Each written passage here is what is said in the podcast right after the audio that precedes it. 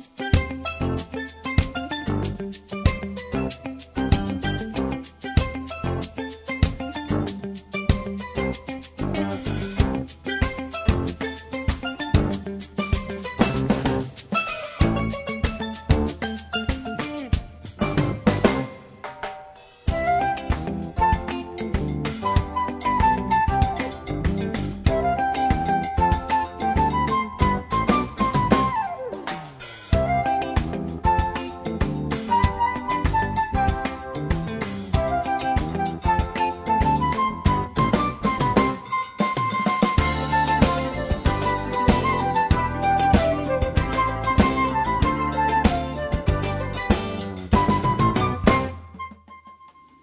God morgen, og vær hjertelig velkommen her av Linden og morgen, og til er sendingen av Bildt langt og vi tar høsten 19. desember 2021. Og verstur morgen er Teresa Damgaard Jatfoss og tekniker er Jekvansone Danielsen.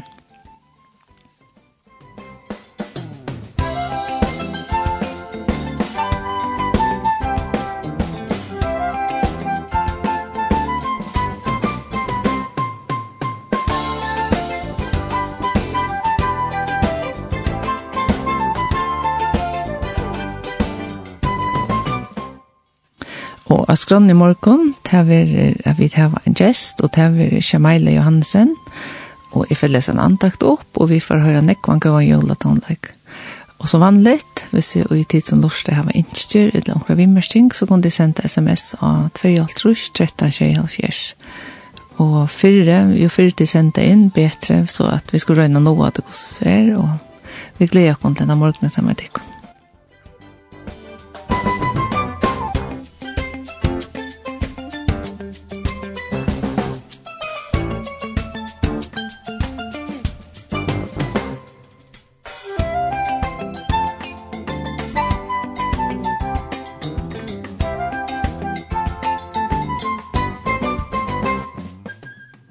Jeg får nå lese en andakt, og det er ur et år til dagen, for det er 19. desember. Ivskriften er «Bruka løgn i året». Salt er følt og kjenne fagna og råp, Solmor 24, vers 16. For jeg får et gang til fire måneder ved en telt og skal til bruka løgn i år. Det er det som gjør det før han fyrir rite inn, og teka nyer og få at det kunning til å bruke fire. Og samme hatt skriver Solmor-skriveren, Salt er følge og kjenne løgn i året. Og herre og jøs anlitøns skulle teke enka. Låsonger er ikke bare en ætborer eller en hotter for jeg kom inn i Guds nerver. Han gjør nekk mer enn det. Han leter eisen dyr opp som god kan komme og gjøknan inn i tøytløy og virka tøyna vekna. Vi øren åren drever lovprysan god nær og fer han beinleis av virka. Navnet Jota merker lova herranon, og ta i ter tølv attenar i Israel fyrir av oss tjekk juta fremst. Etta stendur i domaren kapittel 20 vers 18. Eina fyrir ta i futjendar juta kom i møte taimon, sende kongren Josafat, ei kår ut av hermøte, fram om herren av sin gode lovsong. Ta kan jovas med løyen hernavar, atlan, men ta gav taimon uven naturlig sier. Bibelen sier, at vi tar samme som tar byrja og vi gleder opp på lovsong og så innan, let Herren en flokk gå med atene fra iver ammonitter og måbitter. Og så gjør det der enda av hver øren. Etter er ur on er og kronikobøk kapittel 20 og så vers 22-23. Lovprysan er uslit av trygg, og det er en virkjenning av at du trost er god til temerhalta støvene. Bibelen taler om at bera gode fram lovoffer, Det mestjer at du skal prysa gode, selv at du ikke er til det. Da er det ikke fett til det naturligt, eier du å gjøre det korsene. Nehemia sier at glede i herren er styrkedikkere. Låsangur, han kan leka kjensler og lytta vektene av det negativa, som du kan stava over at ting du av. Gjør det bare og røyne det.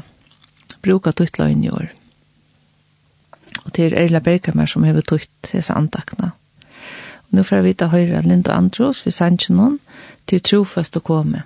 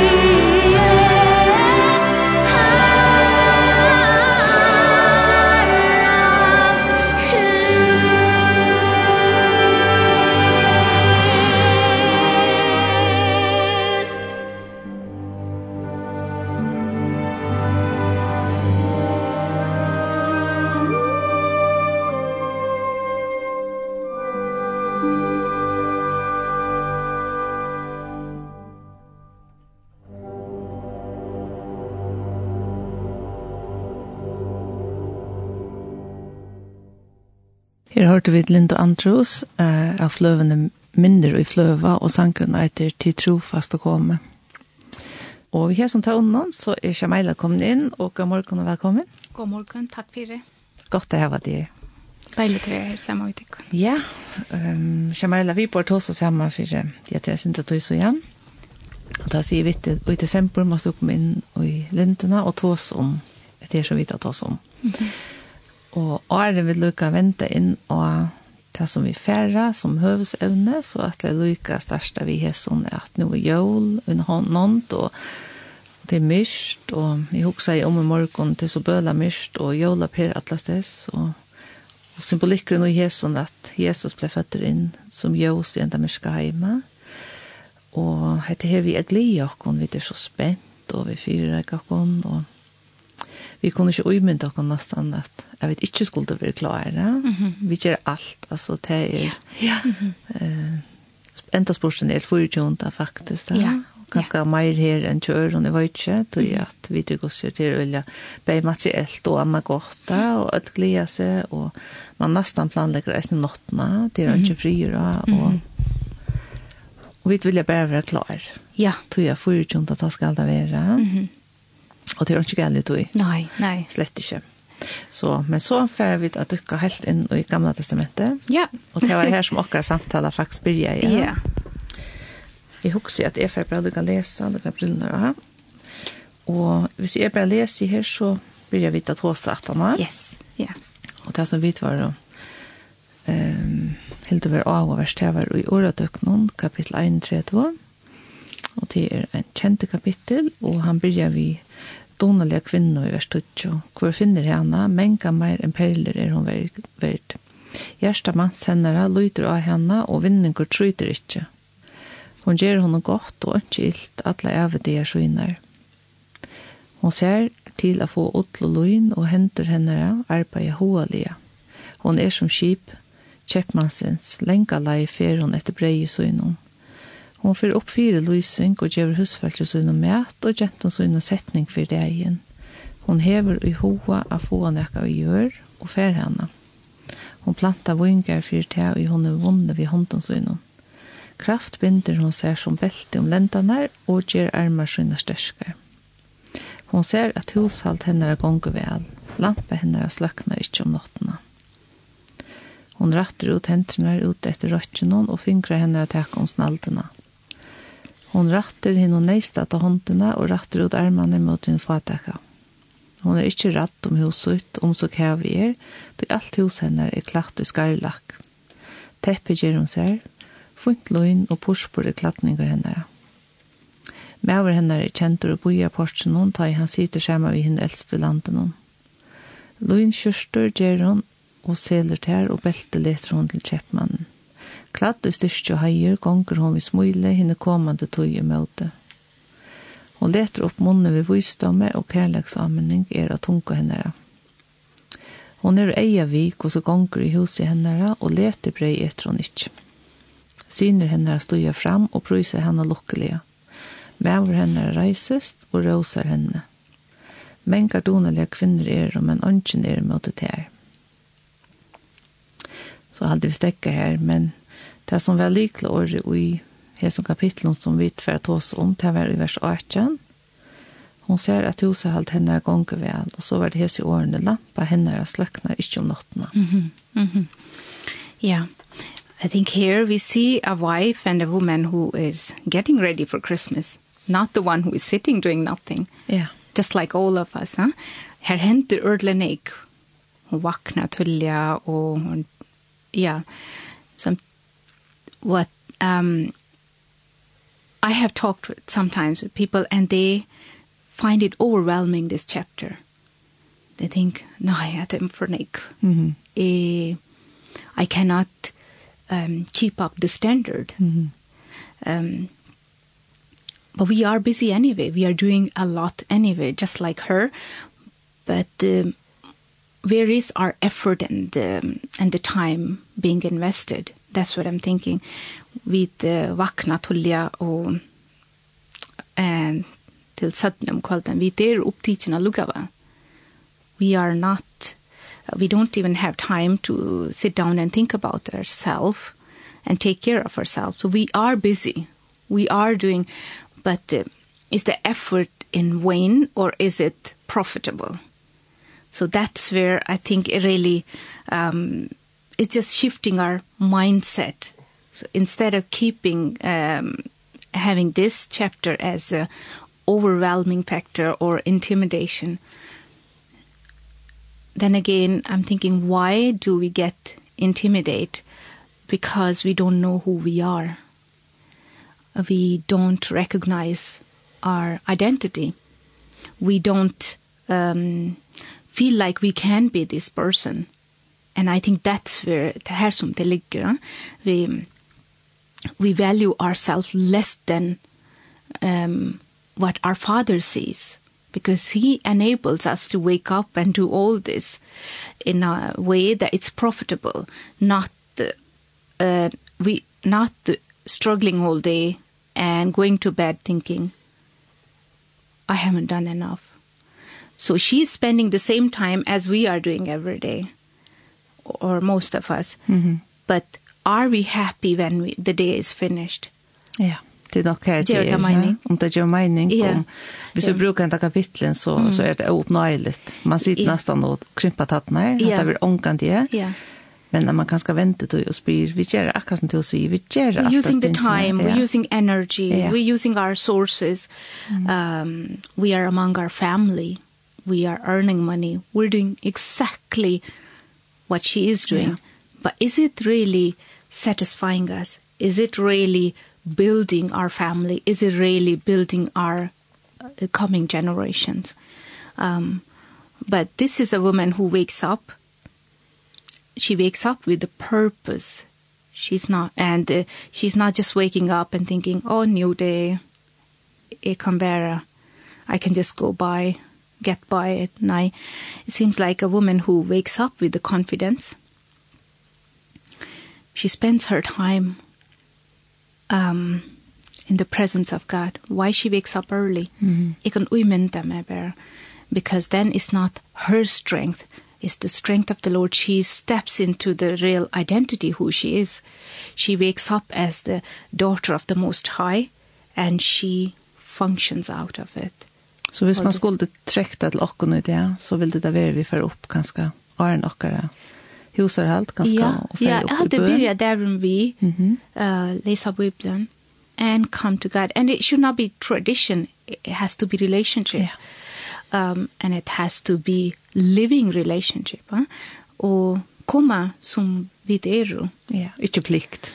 Nei, Det ska være at du vill det. Just coming as we are and bringing everything before the Lord ikke halda nekk ikke gå ima en ikke røyna at gjeva det som vi halda til godt as we are.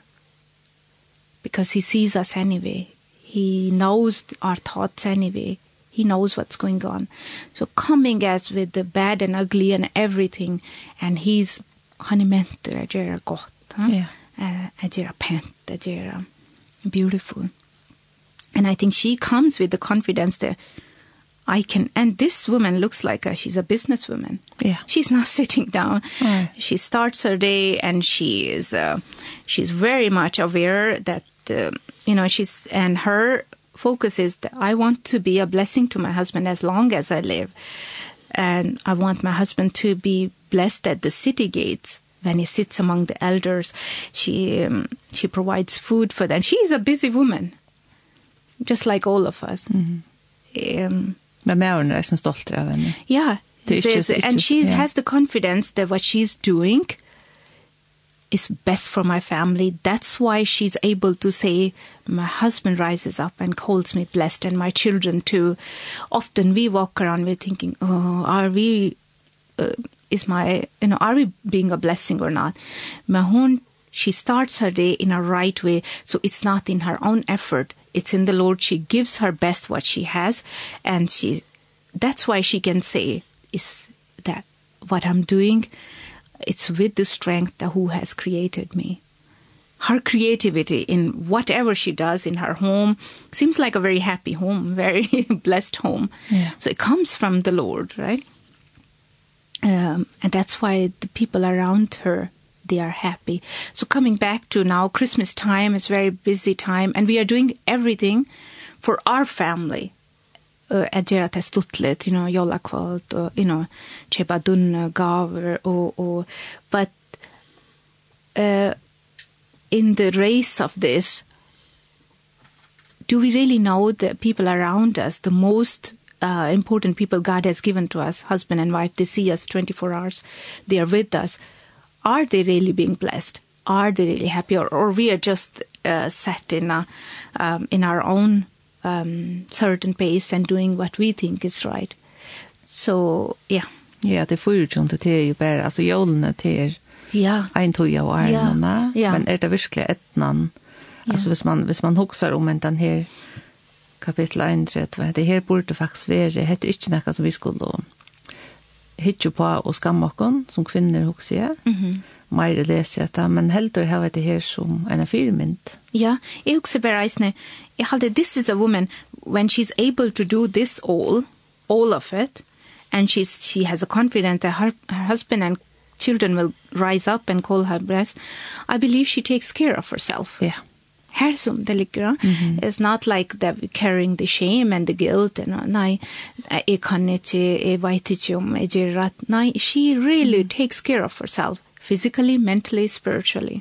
Ja, att hon får upp åren hit, ja. så hon är väl fyra. Hon är väl fyra, ja. och annars orkar man inte komma upp. Mm -hmm. I mean, this Bible is very practical. Ja. It's practical for today, as it was those days.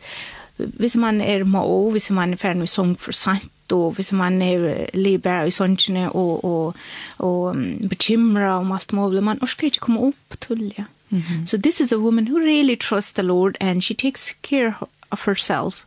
I believe she exercises. yeah. she eats yeah. well, she yeah. sleeps well, she's focusing on otherwise, you know, she is a human. It's not a robot or a, or a supernatural being. It's a woman like us. And we know, I'm sure we all of us have the examples of some those who that we can look up to. They are clara out kus kus okui, they have the peace and the joy and the good health. That's very, very important. The more we invest in ourselves, we preserve ourselves for our family. Ja, yeah. ja. Yeah. Og det at det som vi gjør, hvis det er jo mening, mm -hmm. alltså också är ni antalet investera man yeah. føler så så får man en mer orsko. Exactly if we haven't had and if we are not mentally and physically well we are spiritually weak. Yeah. Yeah. Because we are three being huh? we cannot separate ourselves from any of that. So if we want our body to function well our spirit to be well our brain to function well for our best we have to take care of ourselves. Yeah. And that comes often i think you know if we don't have the good word for ourselves, if we, we don't feel we are worthy of taking care of ourselves, then we can't function as we want to in any area of our life.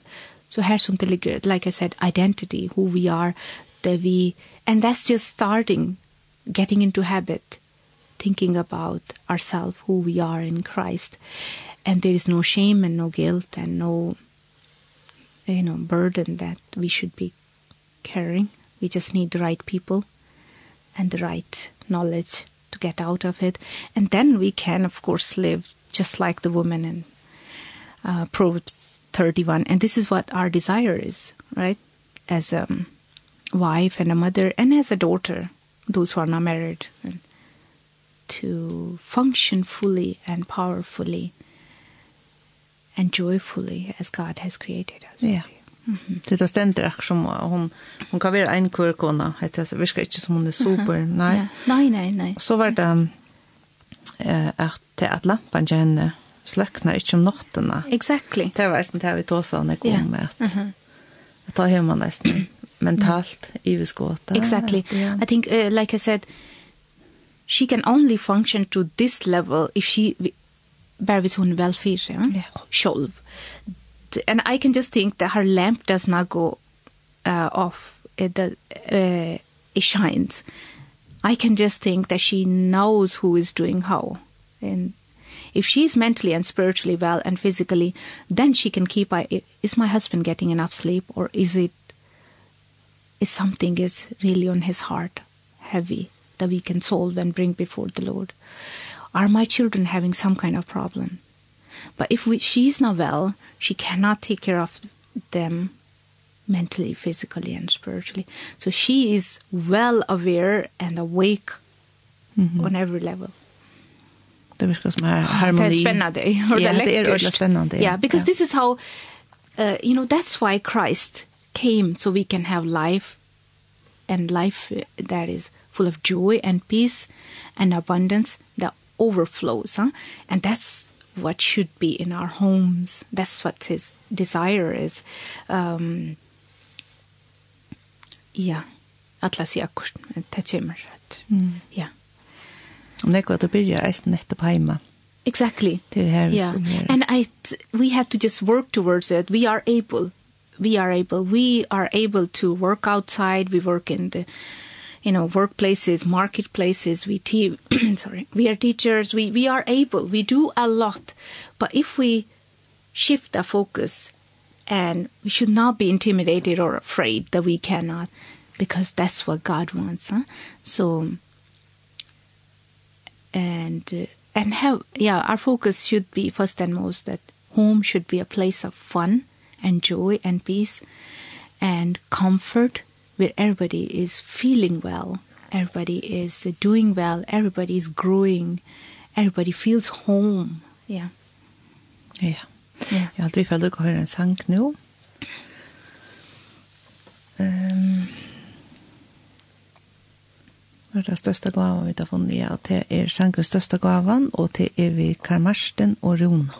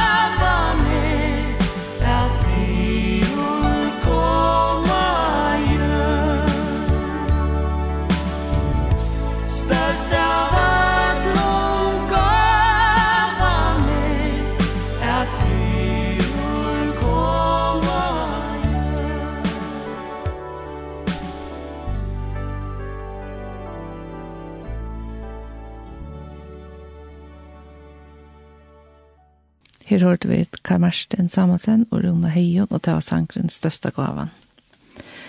Og Shemaila Johannesen er gester her, og vi sitter til oss om kapittel, åretørsene kapittel 1 og 3, og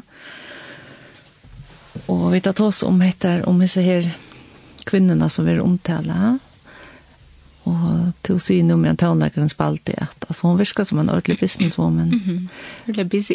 ja, hon er busy, men hon färt inte hända men men det er ju driver ikke. Det tycker ikke iver, nei. nei. Hon er skilag och ja. vi så helt la praktiskt skulle omsette enda kapitlen lese versene mm -hmm. till till det yeah. som kvinner. Yeah. And I love to make a bible practical. Yeah. Uh, that's the that's the purpose of it. Huh? Netto. Yeah. So I think for me a good day should start with getting up before your family gets up. Um, and that's what I try to do. Mm -hmm. Hogna wakes up and he has his own time with the Lord and I, we are in a separate uh, places. So day, you know, depends how much time you have. It could be 15 minutes or half an hour, depends. The more we give time to the Lord, the more prepared we are.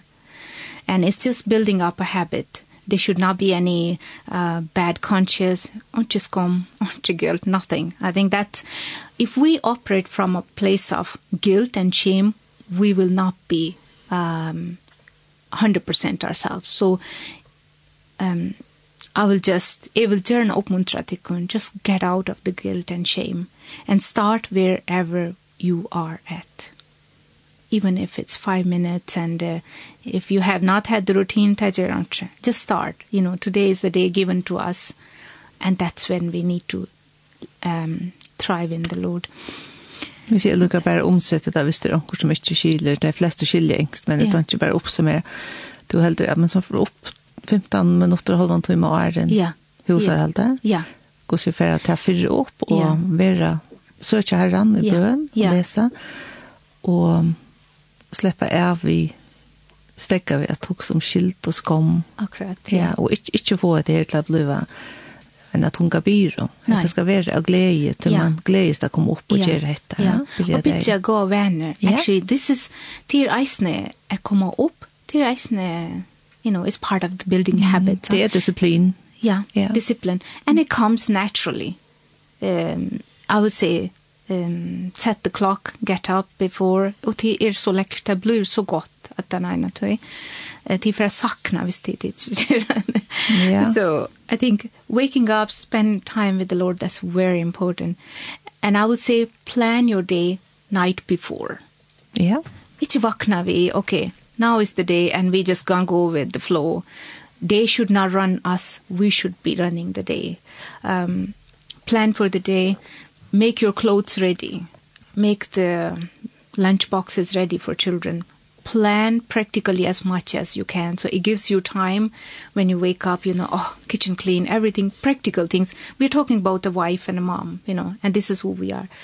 Everything ready and uh, time with the Lord. Make sure you have a time to exercise three, four times a week. also det physical vending yeah, yeah. or viktigt. Yeah ordentligt viktigt because it's a good health for us. Huh? If we are not taking care of our body and it's a temple of Christ if spiritually taken, we are responsible. We are not supposed to uh, do whatever we want to our with our body because it will not serve us well anyway. So what Bible when Bible talks about taking care of certain things in our life there is a purpose behind. Så det är alltid en orsak till vad you know. It's for our best. Det är för oss. Ja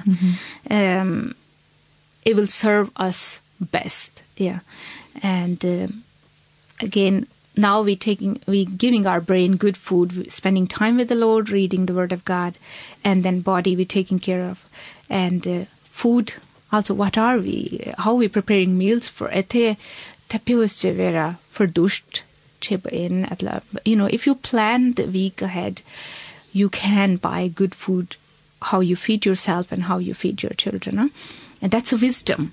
I halte det her, um, uh, Proverbs 31, 26, it says, She opens her mouth with wisdom, and the teaching of kindness is on her. So there is a lot of mention, there is a lot of talk about wisdom.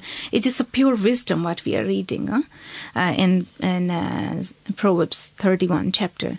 So it's wisdom using God has given us wisdom.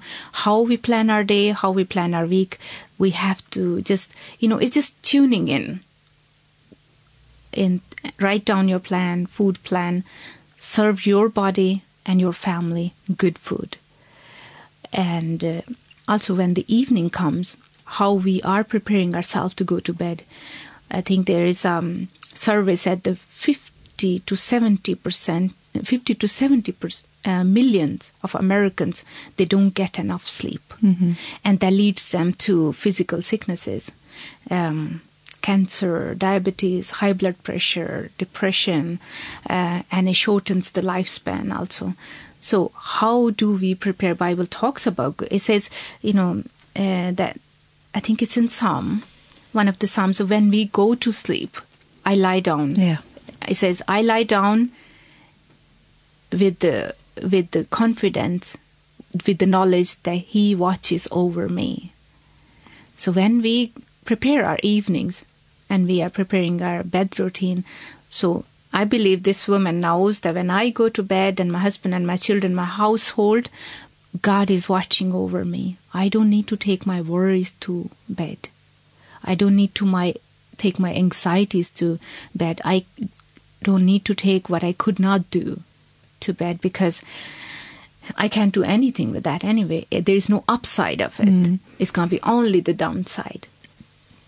So say uh, now the technology we're using, the, all the phones and computers, this is, uh, are we using it for our best or are we using it or is it using us yeah, destroying our health mental health physical health and spiritual taking time away from us I feel like uh, or I have um, I have done a nutrition course a bit um nutrition well-being uh, cost Rajaving. Yeah, cost Rajaving. Yeah. yeah. Mm -hmm. I said that, uh, it, I remember in one session the mentor she said that God has created the um, the day and night is like an on and off switch. Yeah. So if we mess up with that routine, if there there will be consequences. Yeah, that blir obalans. Yeah. yeah. Um if we haven't had enough sleep, we are not effective for the next day. So in the evenings så nu som du säger Janne till mest och till så hugglet och vi vill you know after dinner at den några att vi vet hur ordla hur jag sätter vi telefonerna och you know things like that. But that's exactly we need to vi må minka till in det som vi brukar you know, within technology or something, because it keeps our brain awake for hours and hours. And even though when we're sleeping, our subconscious is awake. We are not resting.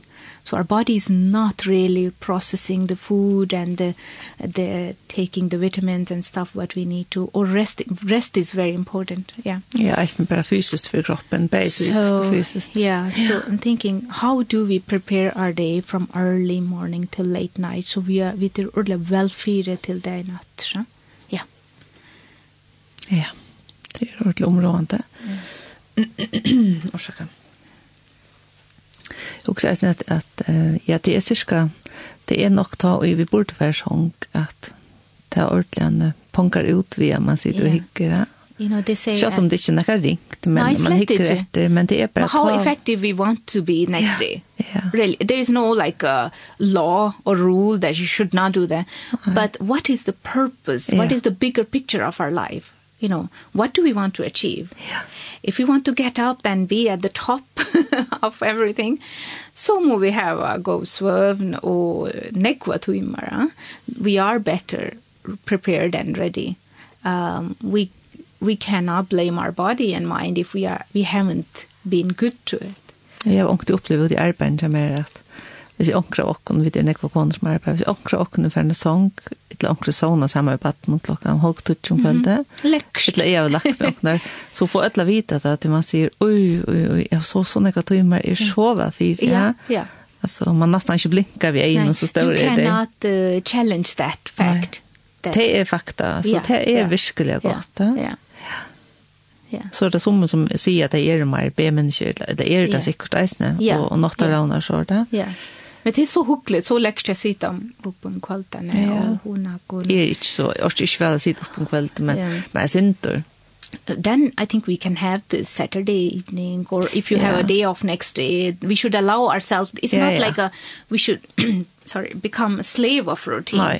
but it's you know finding the balance and having the overview and uh, serving the life us better yeah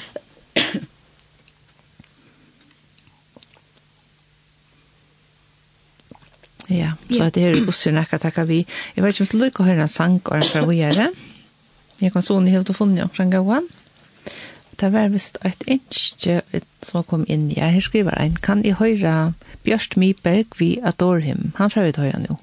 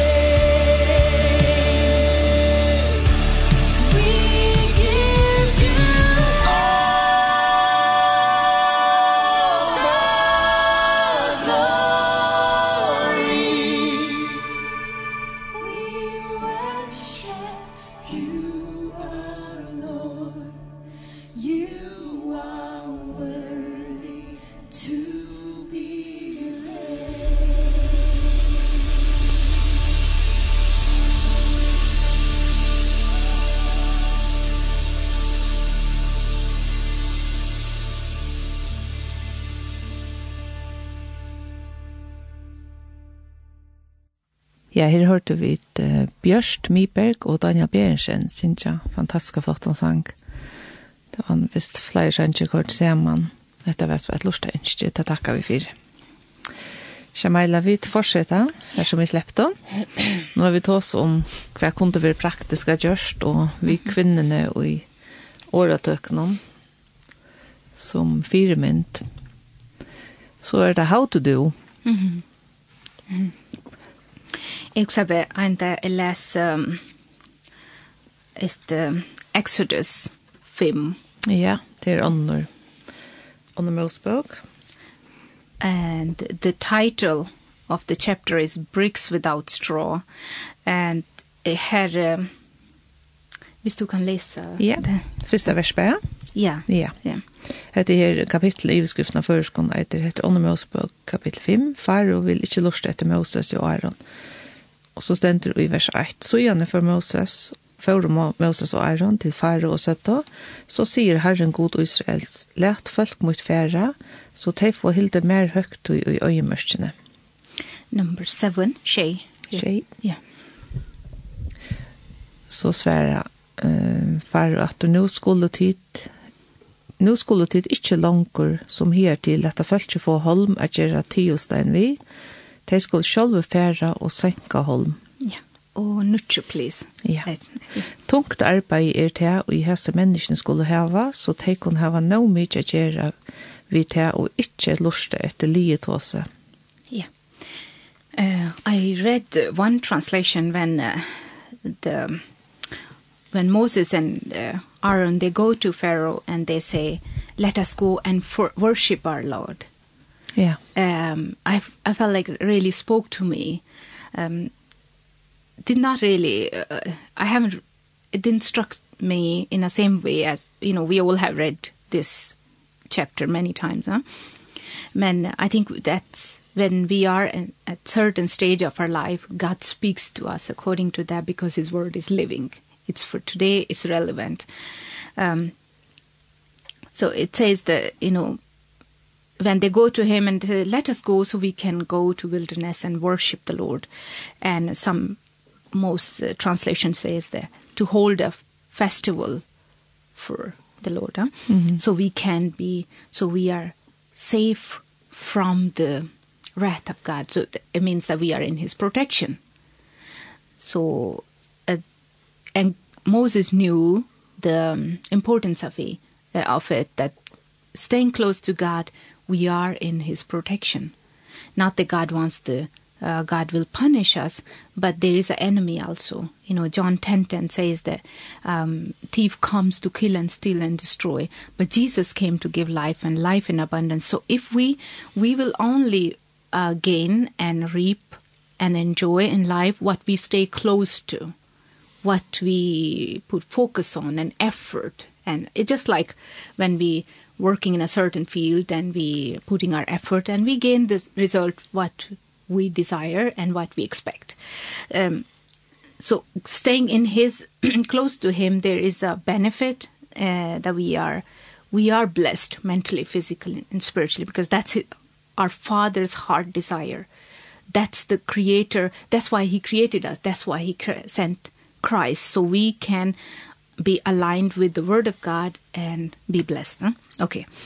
Um so I think Pharaoh says a couple of times that you can go also suddenly um if I remember the, but the, the main focus is what spoke spoke to me it says Then Pharaoh said, Look, the people of the land are now numerous, and you are stopping them from working.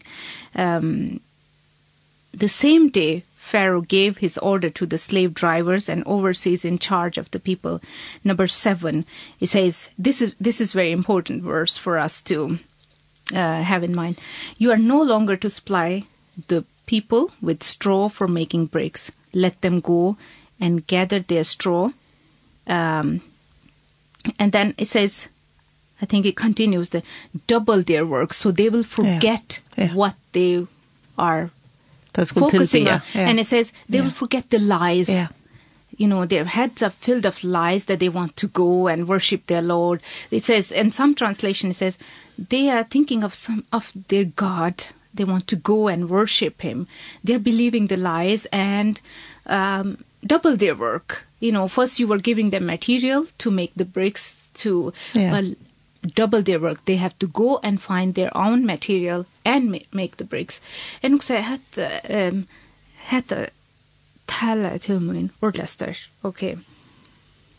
You know, working is very important. It's part of our life as long as we live and that's how we make our life comfortable. That's why that's what we um we that's how we make life comfortable for our children. We want the best for our children and we provide. And there is no nothing wrong to uh, have the best life we want to huh? uh but where are we at during the process? That's why wisdom comes that's where wisdom comes that um what i believe that and how we can function well and how we can see our family thriving and happy that our work doesn't matter what we choose if it's a cleaning job or or a very high you know professional job um our work should be adjusted according to our family not that we should adjust our family according to our work huh? and how many hours we are working uh, where we can cut down a bit if it's affecting our health if it's affecting our time with children, if it's affecting our time with our husband or wife, you know, if it's uh, uh, if we are more hours out of the house than home, um uh, then something needs to be different that we, then we need to change something. So that's where wisdom of god book of proverbs is full of wisdom how we can live um you know how we can take care of our time how we can take care of uh, health um it there is one verse it says that make the halte verlesa yeah. it's so important how we make the use of our time huh? um I'll just find it. Ja, yeah. du finner det bare, men det som Shamaila har sagt, yeah. jeg vet ikke om det pjøst omsettes, men det er at det er ikke galt arbeid, ja? det er godt arbeid, og det kan være nøyot, og, men det er bare viktig at arbeid ikke styrer okkar heime og okkar løyve, men at vi tar arbeid, men at okkar heim og okkar tøy og familie er nummer ett, og så arbeid er treata, og at annars så, så kan det faktisk ødelegge mer enn det gagner. Så var det verst du hever at rett, Jamila, ja, ja. leida du? Ja, jeg, ja, ja. jeg, jeg, jeg, jeg, jeg, jeg, jeg, jeg, jeg, Yeah, er pur okay. Yeah, I'm there. You say, Lisa, because Bible we are making it practical, so I want to really yeah, read yeah. it. Uh, det är ordentligt viktigt för akkon, tryggvande, as wives and uh, moms. Okay, Ephesians 5, 15 to 16. Yeah. Du kan godt läsa Ephesus. först. Ja. ja. Prøv at du bare läser det, så yeah. du kan. It says, be very careful then how you live – not as unwise, but as wise, making the most of every time. And some translation says, making the most of your time, because the days are evil. Ja, skal jeg lese det? Ja, please, ja. Efesos kapitel 5, vers 15-16. Mm. Er det det, ja? Ja. Akte du vel etter hvordan du livet, Ikke som øvis, men som vis, og kjeipe hinna lealige tøy til deianer er under. Yeah. And the English translation says, be careful how you live, huh? like wise, not li not like unwise, and, and make the most out of your time. Yeah. Time we are given, and we are only given one life. You know, before we know, years are passing by. So how do we live the life that we look back and we feel happy, we feel satisfied? We are living anyway. So why not live it too with a purpose? Yeah. And why not? And if I will say um I will encourage you all, if you don't have any goal and purpose, create a goal and purpose. We are created for we are we are more than we think. Do not be afraid to make goals, set goals, set them all. Yeah, mm -hmm. and achieve them because the the most high our creator he's with us and I would say you can achieve anything you want. You have to just have the bigger picture. Jeremiah 29:11 says that he has the plans to prosper us, not to harm us, to give us hope and future. So I would say I will encourage all of us to have goal in every area of our life and work towards it knowing that he is Hani from Africa. Han, you know, he is he has the bigger picture, so we don't need to be afraid. And that helps. Th then it also helps us to get out of the shame and guilt. And uh, because if we are living in shame and guilt we are in a critic mode all the time towards us. Um that it's not um it's not making us creative. We cannot think positive about ourselves. We cannot think positive about our circumstances. But uh, if we are in a creative mode we will be able to think creatively. How, if I set a goal for my health, how I can take smaller steps. If I want to plan good meals, how I can, I, not that, oh, but if we are in a negative mode, we will say, I will never be successful. I, can, I cannot feed my children healthy because I have never learned it. But you can set a goal. Yeah. You can change your generational path today. Um, I think often I I would like to share this. Often we think, okay, this is how my family was, this is how my grandparents were, and uh, this is the way I'm going to live. No. Uh, you know, Bible talks about, I think it's Deuteronomy 7, 9, it says that if you love the Lord with all your heart and keep his commandment, he is the God that he will keep the um, promise, his promises and love and his covenant, for generations to come. Mm -hmm. So he wants to bless our generations. How do we do it? Um being in a creative mode because our God is he's our creator, getting out of the so there is no I would say I want to break this um myth today there is no family curse that we have to live in for rest of our life. Det är inte fem inte förbannelse som har i några familjer. We can change so it today. Så vi vi. It was just I I believe it was just for example if we say oh, divorce runs in my family, um, depression runs in my family, bad health, bad relationship. Hvis jeg lukker i och säger det är helt ett öjla viktig. Ja. Hvis jeg akkurat kan skulle hva sier, ja, men mine familie ble et skilt, mine familie har vært depresjon, et eller annet, og det kan være imest, det kan være at det er nek misbruk i en familie, ja, og det kan være imest som bare har fyllt og yeah. og kanskje i en små forhold og så blir det sånn selvfordømming og yeah, yeah. yeah. And I think I would say it's everywhere but the good news is uh, it's about for me or what I have experienced how I have changed the pattern of our life how compared to how I was how my family was or um you know in the areas where I have succeeded and I have set goals maybe the parents they did not know how to manage those circumstances. Or the grandparents, they didn't have the right people and the right knowledge. So out of their experience, they passed it on to us. And we take it as it's our fate, we have to live in it. Good news is we don't have to. Ja, i evigt lycka till det. Det kan vara att som måste vi att vi att det har nyr ärva några ting alltså att och i familjen vet det är så att jag kan åtta og jeg sier her følelsene forfedrene har ikke haft ganske møvleggen, mm. og, og ikke haft evner eller, eller møvleika, eller vita nok til å bråte dette. Mm. Men så sier Jamila, men det går nok ikke at det er at det kan stå, det kan er, det kommer vi. We can change our ja, habit, basically. Vi kunne simpelthen brøyde mm -hmm. akkurat venner fullstendig, mm -hmm. yeah. og det er vel lyttelånskvitten. And if I say uh, medically and scientifically, our brain is able to create new habits. We um, the unit of the brain is neuron so when we create new habits we new neural pathways new habits so we are able that's why Romans 12:2 says that we are we ought to be we're supposed to be transformed yeah. in our spirit um by the word of God so we can be transformed outward huh? so it will show outside um atla siakst or viktigt ja if ta tankarna. Ja, exactly. Yeah. If there was no evidence that we cannot build new habits, people will not be set free from porn, alcoholism, smoking. is because we are created to build new habits. Our brain is able to create new habits in a same way. Thinking new, it's changing our mindset and that's why Christ came. That's what his that when we start doing it so we are aligning with the original us the way God had created us. That's what he wants. That's why he sent Christ so we can be aligned. It's not like Romans 12:2 says that do not be conformed to the patterns of this world.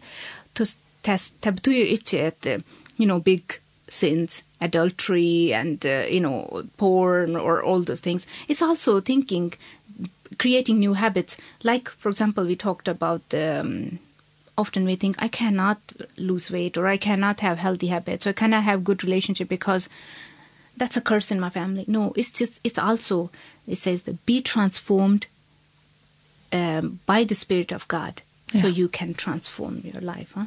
Be renewed. Yeah. renewing your mind Infinite, according yeah. to the word of God yeah. so you can live mm -hmm. so we are able to be set free from anything we want yeah Tack on a pasta because yeah. it's in the word of God yeah yeah Og vi var resten skapt til det. Exactly. We are, the good news is we are created for that and our created allows us. We don't need anybody's permission. Mm.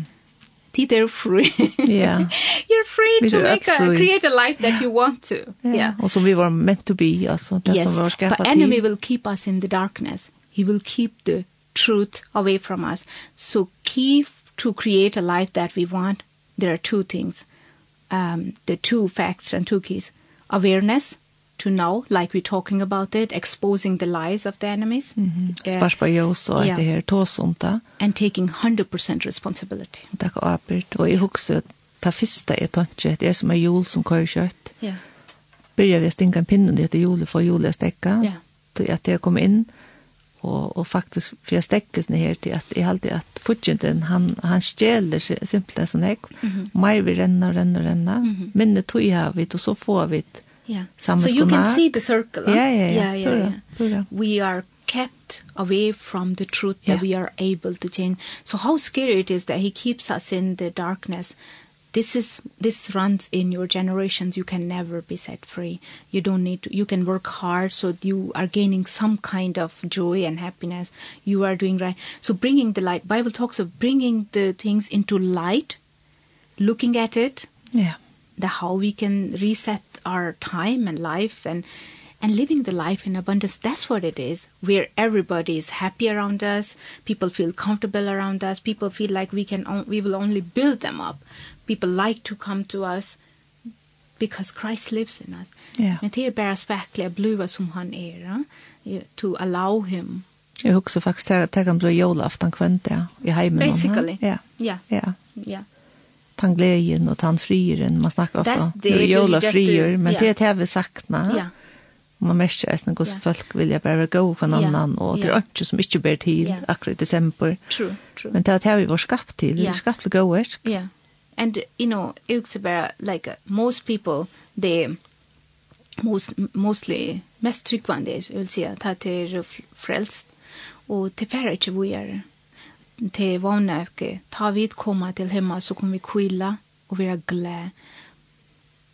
We will be, but Christ came to give life and life in abundance on this earth.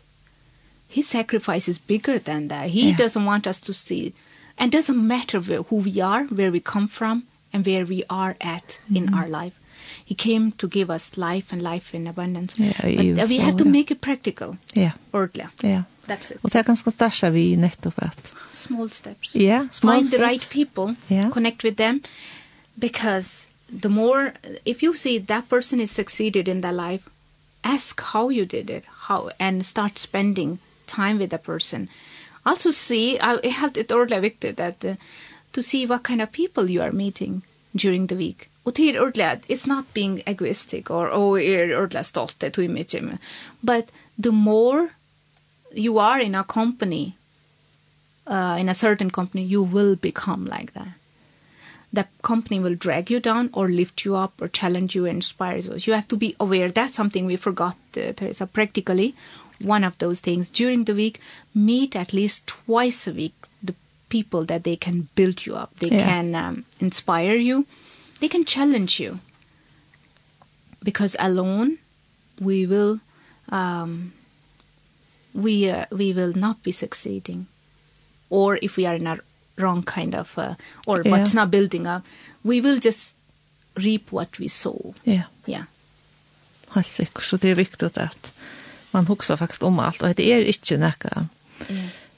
inte näka Nei, faktisk ikke. basically not Nei. yeah.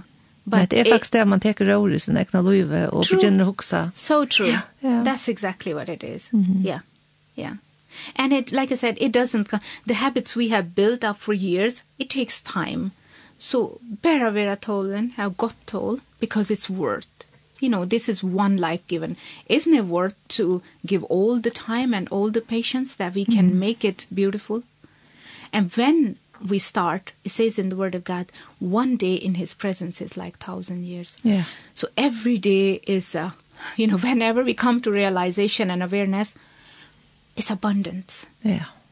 Jag minns jag var en morsa ikke forenda, men du sier jag henne för at ta vi køyre i vana hoksan. Mm -hmm.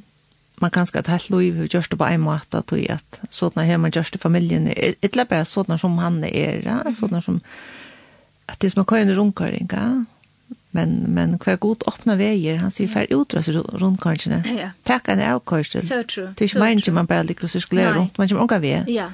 Ja. Så så fort ut ur rundkors. Jag hade en så god minta, en sån tanka minst du vi kunde ha va? Jag hade evigt gärna add us in the, you know yeah. it's like when we become aware okay oh was it that that we've been stuck for so many years and I didn't my uh, parents had like grandparents or my generations they did not pass on the right knowledge it doesn't give us the now we don't we shouldn't be wasting our time to blame them either. No, no, no. They didn't have the it just gives us the better view how they did it. Um at lasi akuste glamta. Det var så ja but anyway yeah. it's a bebreitelse no no slett i think it's a, it's a time to to it's we should be glad over it that yeah. we um um and i i would say that i'm sure yeah that was it i'm sure they they have invested so much good in us the all the good we have is because of our experience and exposure yeah. who we were so there har ne gott men Ter Eisne, God has given us wisdom and ability, what we can change for the coming generation. They did their best with the knowledge they had. Ja. Så det som vi gjør okkar besta, vi okkar. Ja. Og så får okkar bøtene Eisne, det Ja. Ja. Ønsken er perfekt, men, men man kan også takke arbeid av ekne livet. Ja. Ja. Det er så utrolig godt. Takk for at du kom her i dag, Shamela. Thank you. Vet du også det rett? Nei, I think that's it, I, um, I, it just makes me so happy talking with uh, women and daughters of it because I know that God has done so much in my life and I want to pass it on to my girls and that's why I love to encourage women and see them succeed as God had created them to be. Ja, yeah. amen. Ja, jeg vet ikke om vi nå at enda vi enda sanje her, og vi får enda sendingsene. Og jeg halte vi for at høyre eh, Lind, Agneta og Lind og Agneta Fekskog, vi sendte noen og tendes tusen julius.